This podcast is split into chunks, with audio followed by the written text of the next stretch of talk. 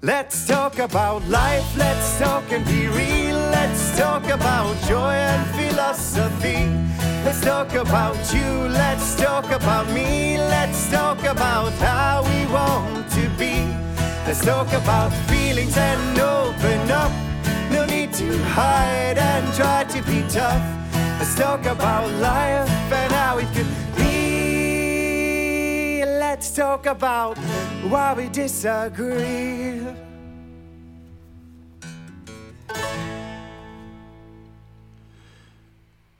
Er det rart at eh, til noen personer føler man at han har totalt frihet og kan gjøre det man tenker uten at de reagerer på det? Mens andre mennesker tør du ikke si eller gjøre det du vil. Hva er det som gjør at enkelte mennesker har kontroll over deg? Du føler de kan styre livet ditt, og du klarer ikke å gjøre hva du vil, og har ikke frihet i din relasjon til dem.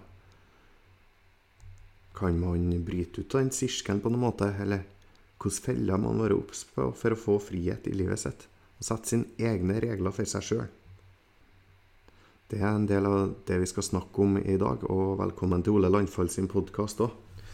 Og etter å ha hørt på boka 'The Fountainhead' fra Ayn Rand, så har jeg fått svar på mange av de spørsmålene jeg stiller her. I hvert fall har jeg noen tanker om uh, hva er det som gjør at enkelte mennesker klarer å kontrollere deg, og hvordan, kan en bryte ut litt av den kontrollen og få sette sine egne regler.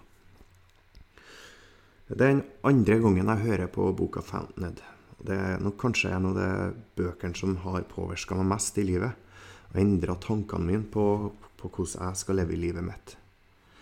Jeg kommer ikke til å ta tak i så mye av sjøle boka eh, i handlinga og fortelle alt, men jeg, jeg, vil si litt mer om hva jeg har lært etter å ha lest boka den andre gangen, som jeg kanskje ikke har så mye fokus på første gangen jeg leste den.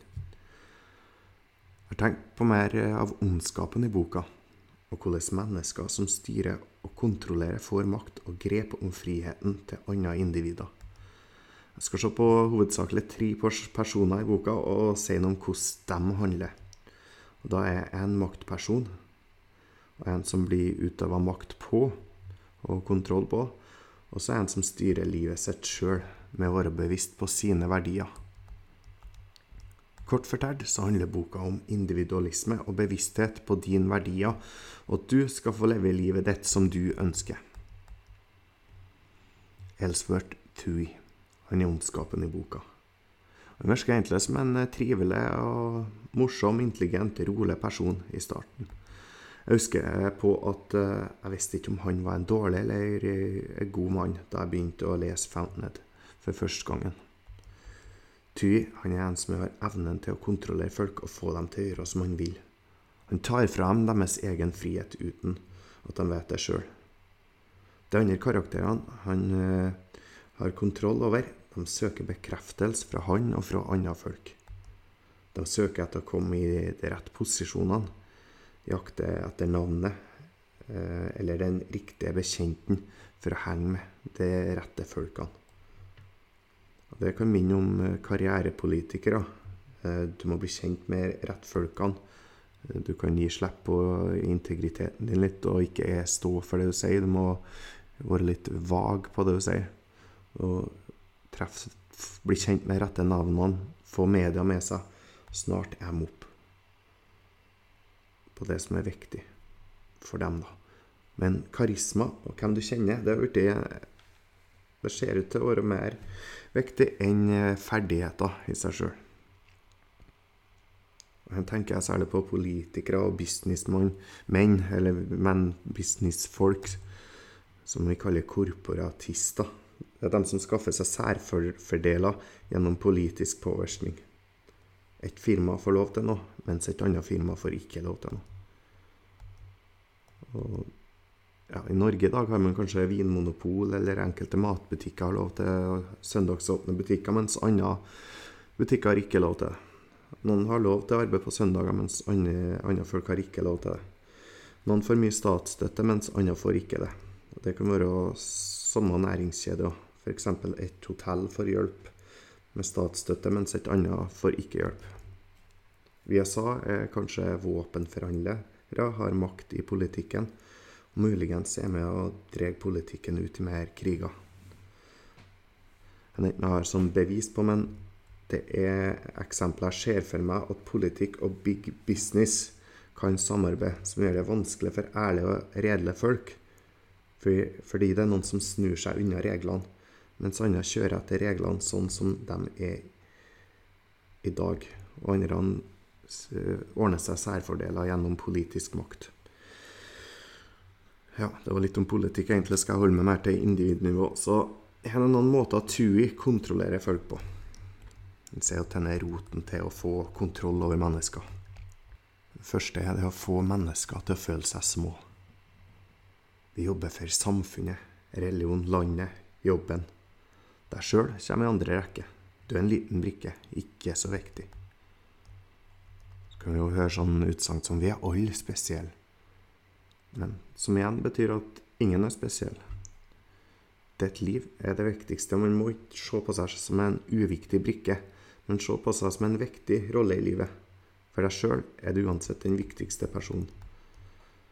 Ja, Har man valgt å få unger, er kanskje barnet det viktigste for deg. Men da har man òg valgt å få barn fordi man har et ønske om det. Fordi det er meningsfullt for deg. Iallfall burde være det som er motivasjonen. Og det som er viktigst ifølge fra Fountainhead òg, så er det å begynne med seg sjøl og ta vare på sine nærmeste. Etter man har gjort det, kan man kjempe saker som er større for seg sjøl. Og har man bygd opp seg sjøl til å bli et bra menneske og hatt fokus på seg sjøl, er òg større sannsynlighet for at ungen din vil få det bedre fordi du har sjølrespekt og ferdigheter som gjør at du kan ta vare på deg sjøl. Så med det man òg skal lære bort til unger, å bli sjølstendige og gode mennesker. Her er noe sånt sitat av Ayn Rand. Learn to value yourself, which means fight for your happiness. I could die for you, but I couldn't and wouldn't live for you. Så er det enda et siste. To say I love you, one must know first how to say the I. Så jeg elsker deg. Det må først vite hvordan du skal elske seg sjøl. OK. Så det andre Tui prøver å jakte etter, det er å få, få andre til å føle seg skyldig. Her er noen eksempler på hvordan man kan føle seg skyldig i samfunnet i dag. Det kan være skyldfølelse. Fordi du ønsker ikke å hjelpe så mye, eller du ønsker ikke å betale nok skatt. Du er et dårlig menneske som ikke vil stemme på, på dem som gir mer rundt seg, eller eh, bruker den retorikken, i hvert fall. Skyldfølelsen tenker på seg sjøl og setter sine ønsker først. Skyldig å ikke leve opp til partners, familie, søsken, venner og foreldres forventning som man sjøl ikke er enig i. Skyldig å leve opp til kulturen og samfunnets forventning, religions forventning, politisk eller kulturens forventning. Hvis noe som er viktig, er Hvis noen som er viktig, er skuffa over deg, og du får dårlig samvittighet for at de føler seg dårlig, så må han se etter rota på hvorfor du føler sånn.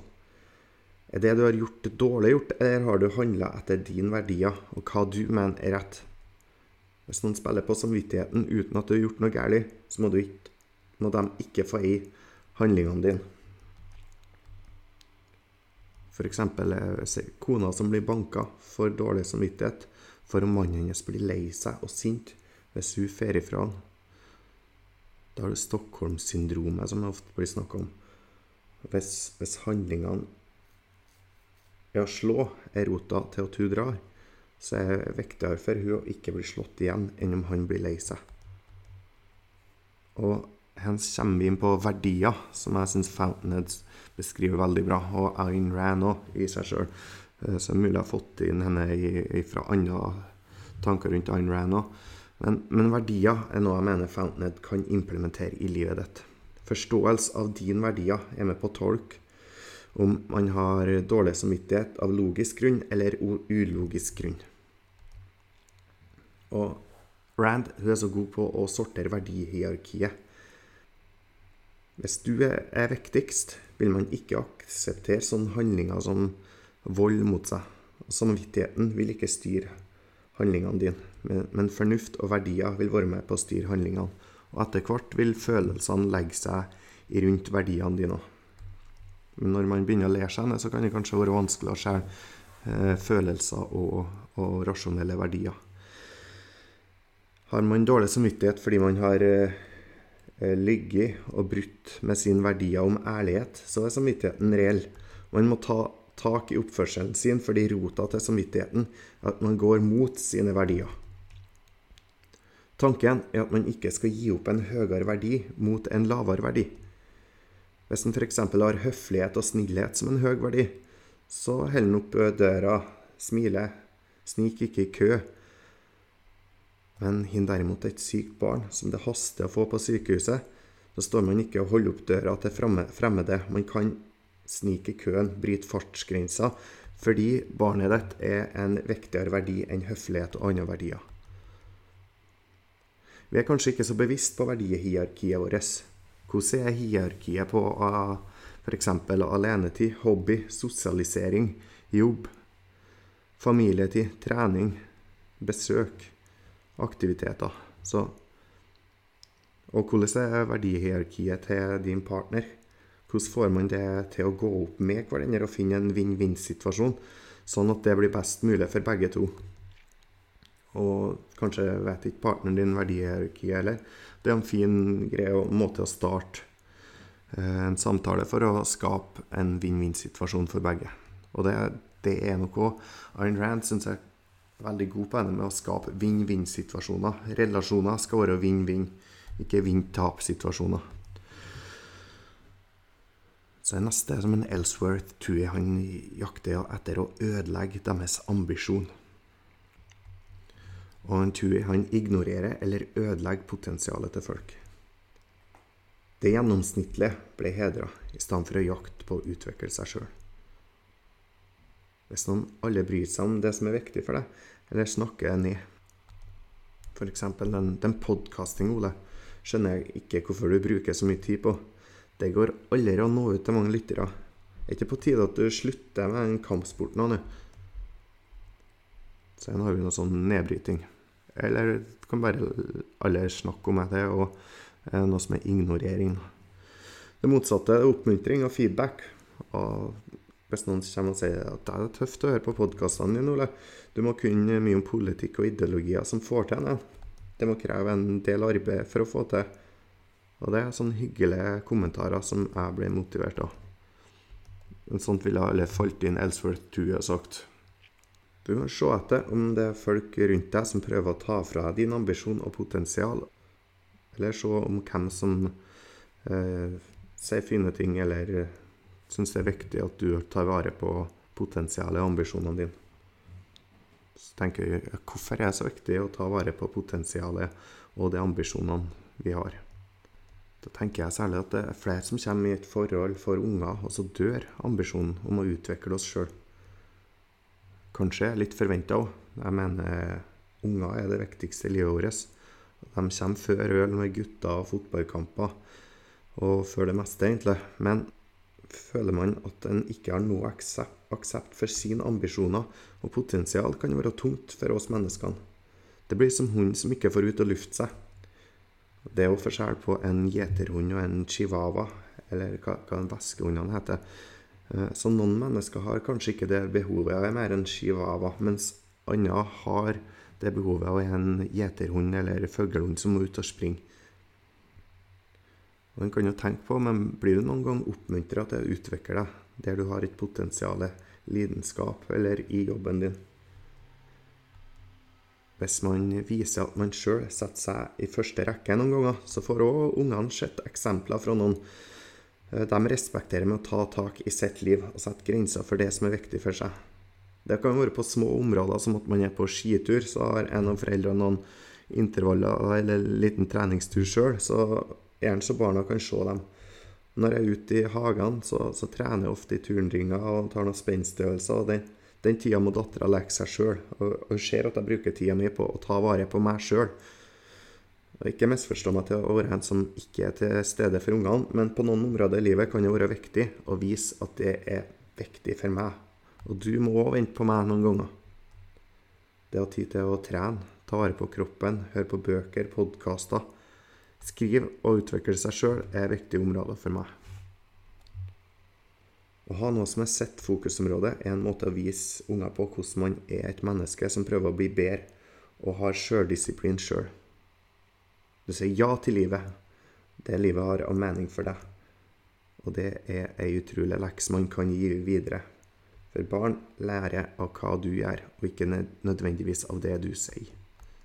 Så det nytter ikke å si 'nå må du ha deg ut og trene', hvis du aldri har trena sjøl. Neste punkt som Tui prøver å ta ifra, og som vi må prøve å kjempe for, da, det er integritet. Jeg har mange ganger hørt ordet falskt. Han eller hun er en falsk person. Og det, da er vi litt innafor integritet, da. Og integritet er at ord og handlinger samsvarer. F.eks. hvis du sier du tenker mest på andre, mens du tenker mest på deg sjøl. Da mangler du integritet. Du, du handler ikke etter det heller. Og det er det Tui snakker om hele tida. At vi må ikke tenke på oss sjøl. Vi må tenke på folket og det andre. Å tenke på seg sjøl, det er ondskap. Glede er ikke viktig. Når fokuset er på å tenke på andre, så innser man at han ikke er i stand til å etterstrebe det man står for. Det er en umulighet å tenke på andre mer enn seg sjøl hele tida.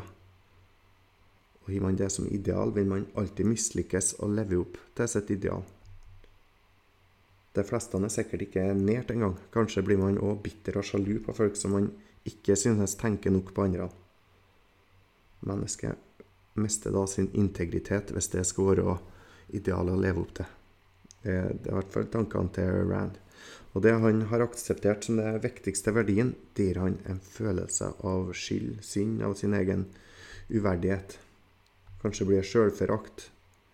Utad så står det for noe, men i sitt eget hode tenker man motsatt. Og ærlighet og integritet ser ut til å henge sammen. En har jo people pleasing og et eh, uttrykk som er med på å ødelegge integriteten din. F.eks. hvis du hører jeg si 'absolutt, ikke noe problem', jeg er glad for å hjelpe deg, mens du tenker 'hvorfor i all verden er jeg hen'? Dette har jeg faen ikke lyst til å gjøre. Da er du i konflikt med deg sjøl. Du handler ikke etter det du sier. Og det er ikke noe galt det, det, å hjelpe noen gang på, på, det du kanskje ikke har lyst til. For mange ganger er det sånn Noen ganger får du hjelp, og noen ganger hjelper andre folk deg òg. Men ja, kanskje kan han bare si 'vær så god' til noen du hjelper.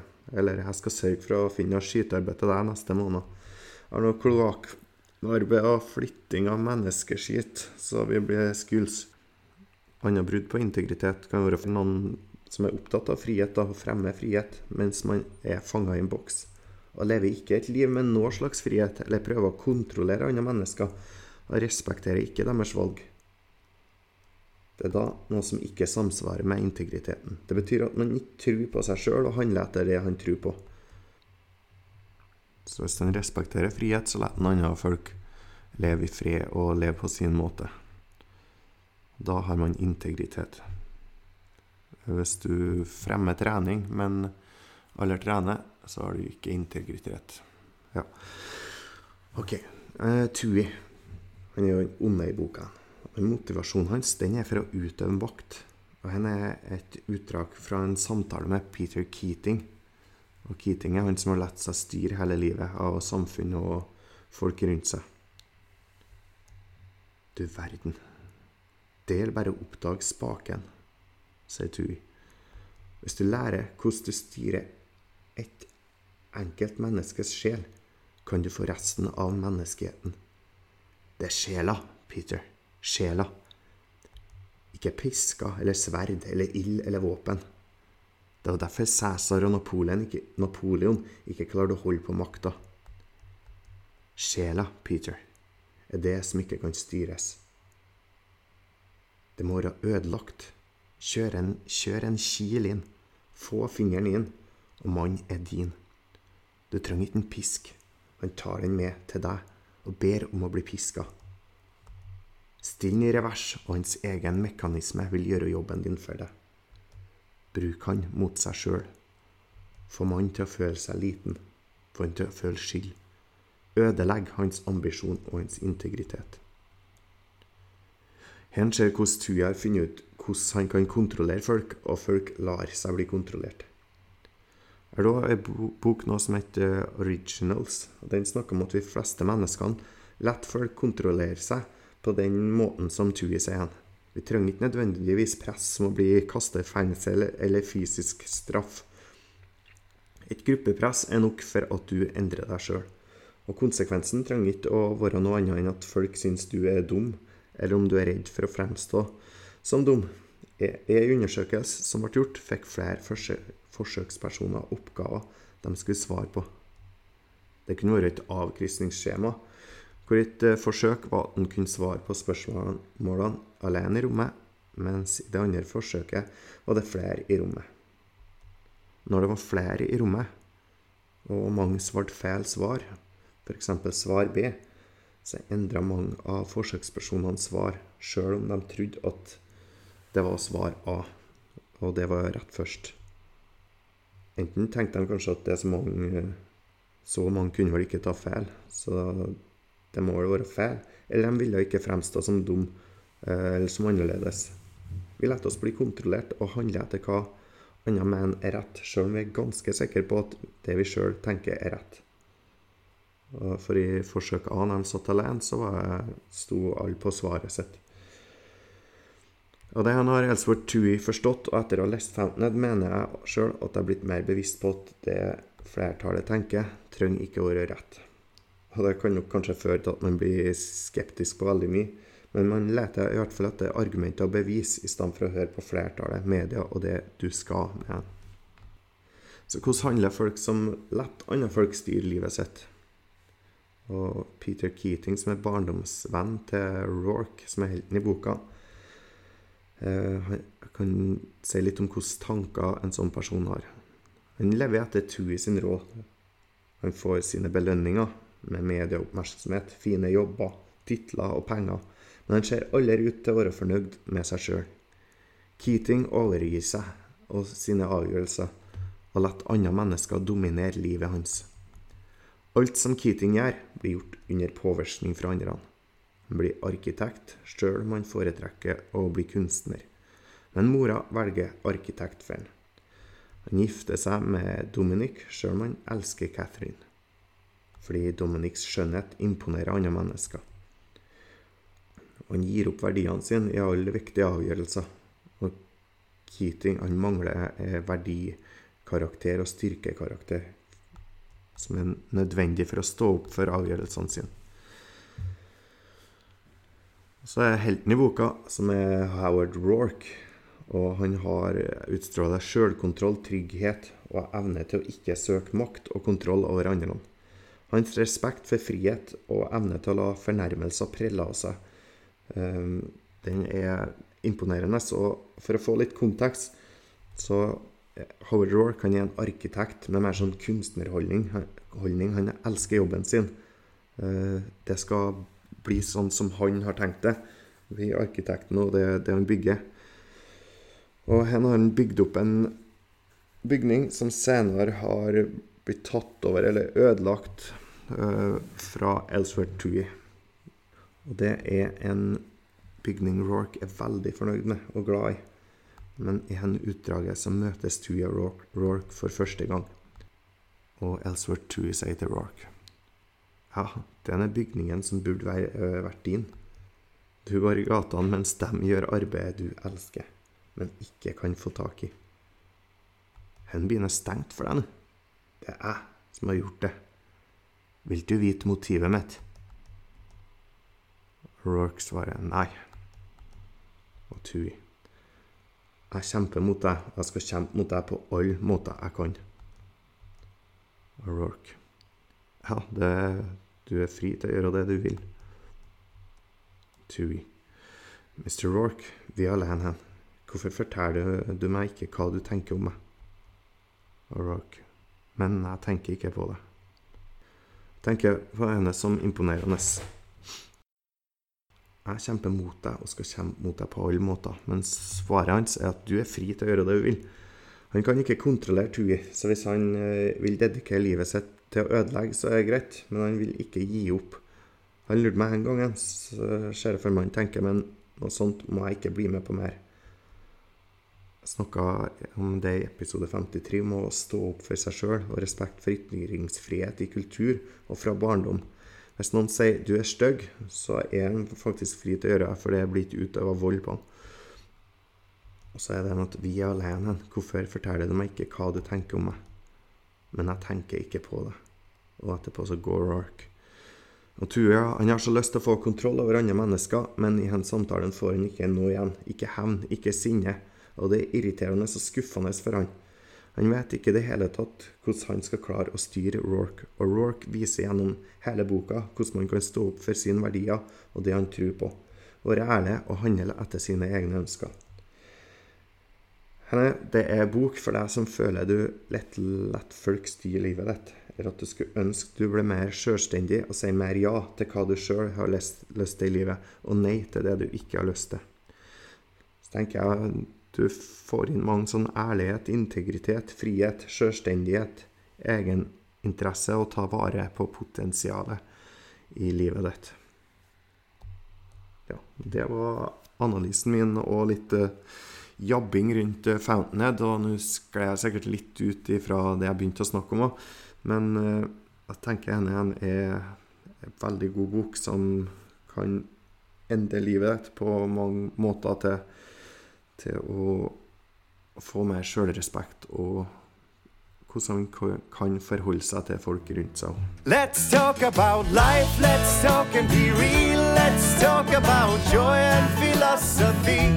Let's talk about you, let's talk about me. Let's talk about how we want to be. Let's talk about feelings and open up. No need to hide and try to be tough. Talk about life and how it could be. Let's talk about why we disagree.